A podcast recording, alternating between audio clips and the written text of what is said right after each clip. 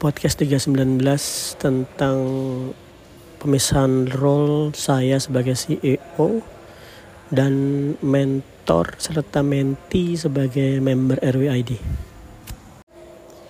RWID itu berdiri bertahap sekali ya, dikit-dikit banget, sekedarnya aja. Zoom sederhana dan sebagainya. Tujuannya satu, membantu menembus remote work. Jadi niat awal itu benar-benar penting akan menentukan seperti apa entitas yang kamu kembangkan. Dalam hal ini startup ya. Kalau kamu pengen IPO cepat-cepatnya ya udah nanti kamu akan agresif di pasar dan sebagainya. Dan seterusnya dan seterusnya. Tapi karena di RWAD itu benar-benar niat saya ingin ngebantu maka sifatnya jadi hmm, unik lah. Nah uh, awal RWAD itu benar-benar saya sendiri ya. Setahun lebih saya sendiri semuanya. Tapi karena bertahap-tahap saya bisa pecah-pecahkan role-nya nambah admin dulu nambah sosial media manajemen nambah mentor satu persatu dan seterusnya sampai sekarang mulai ada community manager dan seterusnya. Uh, nah karena RWID bagian utama dari RWID itu sudah bisa dikatakan 90%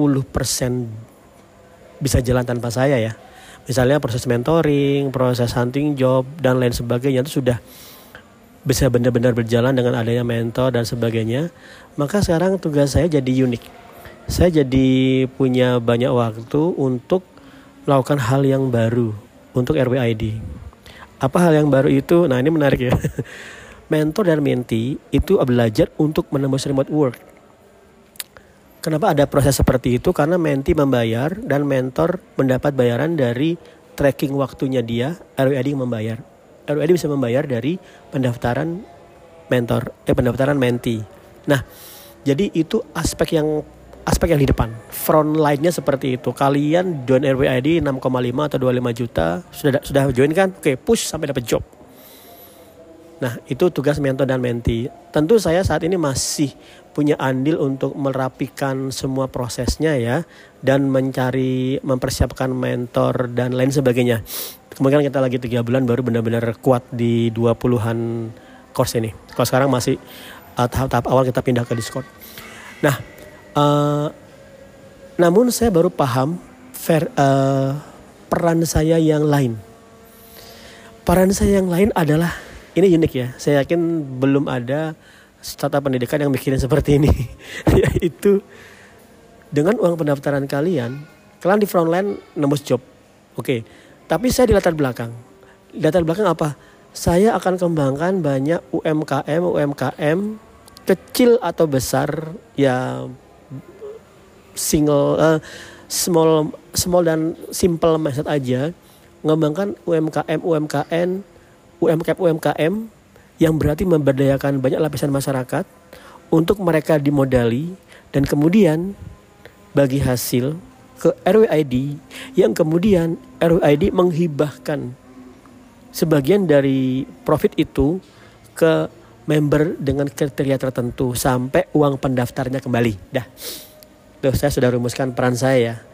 Jadi ada dua peran. Sekarang di RWID, RWID akan ada dua peran. Akan ada dua barisan kerja keras satu. Mentor dan menti belajar sampai dapat job. Oke, okay?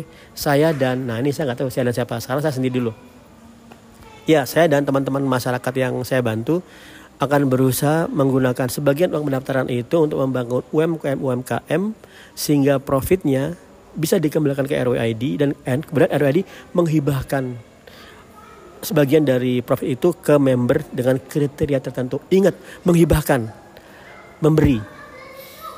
Uh, jangan sampai dianggap RWID itu tempat investasi uh, jual beli kambing misalnya. Jangan.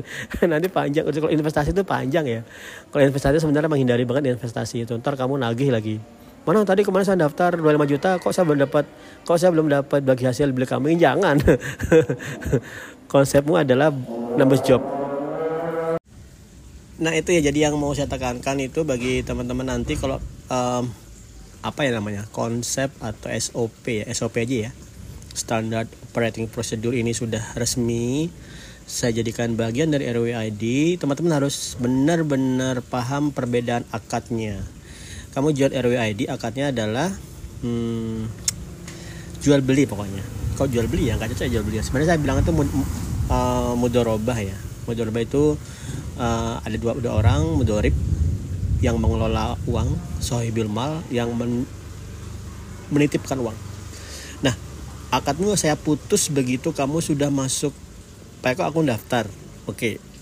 Apa yang dilakukan oleh RWID mengelola sistem pembelajaran lifetime untukmu belajar. Itu selesai akadnya. Kamu nggak bisa minta uang kembali kamu nggak bisa minta kembali 10% nggak boleh.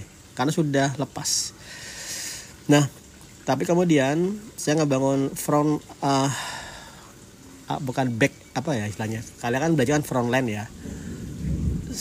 Saya di latar belakang ngebangun UMKM UMKM dengan beberapa kriteria sehingga saya akan berusaha kembalikan ke teman-teman yang daftar. Dan ini akadnya tidak boleh diminta. Akadnya bukan Peko tadi katanya uh, Peko kan Peko tadi katanya uang uang akan dikembalikan. Uh, mana kok baru 10% nggak boleh seperti itu. Itu nggak boleh. Karena apa? Karena namanya usaha itu nggak kita nggak tahu ya. Misalnya nih langkah pertama saya kan ngebangun satu uh, empat kambing empat sepasang ya cowok jantan betina jantan betina. Kalau mati gimana? Ya sudah kalau mati itu berarti resiko dari usaha. Tapi ya harusnya kalau cuma satu ya saya ganti bisa lah tapi kalau bisa mati semua gimana ya mati semua ya sudah nanti saya pikirkan lagi nah itu namanya resiko satu usaha sehingga tetap ada kemungkinan si uang itu nggak kembali. Nah untuk ini kamu harus berhenti di akad yang pertama tadi yaitu belajar yang remote work. Percobaan saya untuk mengembalikan itu benar-benar tergantung kepada usaha itu berhasil apa nggak dia usahanya ya kan. Nah itu uh, kalau sebenarnya pun ini pun benar-benar sudah sudah menurut saya benar-benar sudah luar biasa ya. Yaitu kan kamu nggak akan menemukan bootcamp yang berusaha mengembalikan uangmu dengan dengan ke dengan bangun usaha yang sekunder itu nggak ada kan. Adanya ya sudah join ya sudah join aja. Gagal nembus jebat atau ya terserah ya kan. Nah, karena itu akad yang kedua ini saya harus berhati-hati saya harus berhati-hati. Kenapa? Agar kalian tidak apa ya tidak menyangka oh ya RWD ngebangun investasi abal-abal. Katanya kembali uangnya katanya ternyata baru 70% jangan gitu. Ya kan? Yang itu harusnya harus berbeda. Teman-teman juga punya uh, empati juga ke RWID bahwasanya oh RWID itu berusaha habis-habisan untuk mengambilkan uang. Padahal uangnya nggak kembali pun aku sudah dibimbing sampai nembus remote work. Itu harus kalian uh, benar-benar resapi.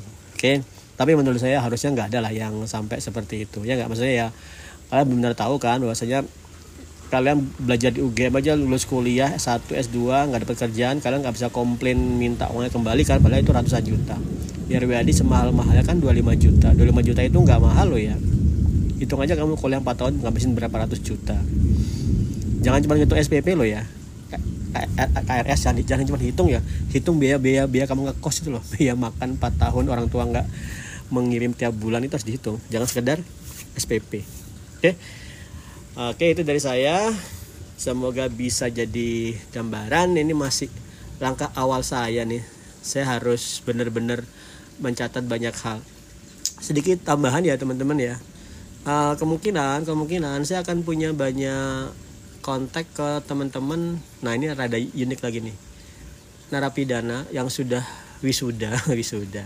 Teman-teman lapas Birogunan di Jogja yang sudah uh, keluar dan kemudian mereka uh, ikut mengambil bagian dari uh, keluar keluar itu um, dakwah ya bukan dakwah lah ya.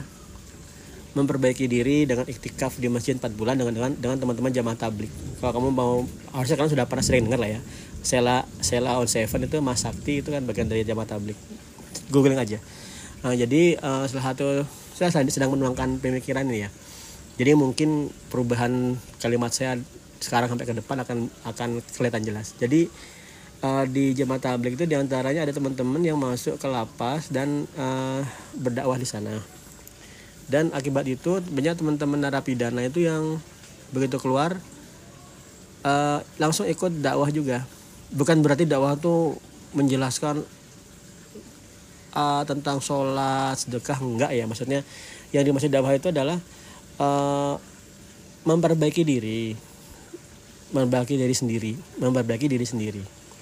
Ya gimana cara memperbaikinya? Ya tentu teman-teman yang saat ikut di iktikaf berapa bulan itu tentunya kan nggak tentunya kan ada yang sudah alim gitu kan? Maka ya udah ikut-ikut aja. Nah mereka ikut empat bulan di masjid jadi seminimal minimalnya sholat jamaahnya nggak ketinggalan ya kan selama empat bulan. Nah selama empat bulan itu ikut. Nah yang saya sedang pikirkan adalah saat saya membangun UMKM sekunder saya bisa mengkaryakan mereka. Tentu ini butuh musyawarah ya nggak sekadar saya ngasih modal terus jalan enggak sih. Misalnya Pak Eko ini ada teman-teman yang uh, punya dulu punya keahlian ABC sudah saya bangun berusaha bangun UMKM UMKM sekunder. Misalnya kayak ya buat donat toko roti cuci mobil mungkin ya cuci motor. Ini kan kadang-kadang kan teman-teman yang lapas itu kalau mau diterima di masyarakat tuh kan agak uh, sulit ya kan? Nah ini sedang sedang pemikiran saja sih. Kalau ini terjadi ya teman-teman kalau ini terjadi ya kalian akan melihat RWAD itu punya manfaat yang nggak sekedar bootcamp loh ya sekarang kan saya baru melihat teman-teman tunanetra. Apa lagi ya? Tunadaksa ada. Kemudian hmm, apa lagi sih? Saya lupa sih. Nah kalau nanti ke teman-teman yang lulus dari lapas maka RWAD akan bisa memberikan banyak sekali kontribusi-kontribusi untuk mereka yang baru keluar dari penjara. Ini yang, yang akan benar-benar saya atur baik-baik karena ini berkaitan dengan perubahan sosial yang cukup besar impactnya. Gitu ya saya sedang menuangkan pemikiran aja. Matur nuwun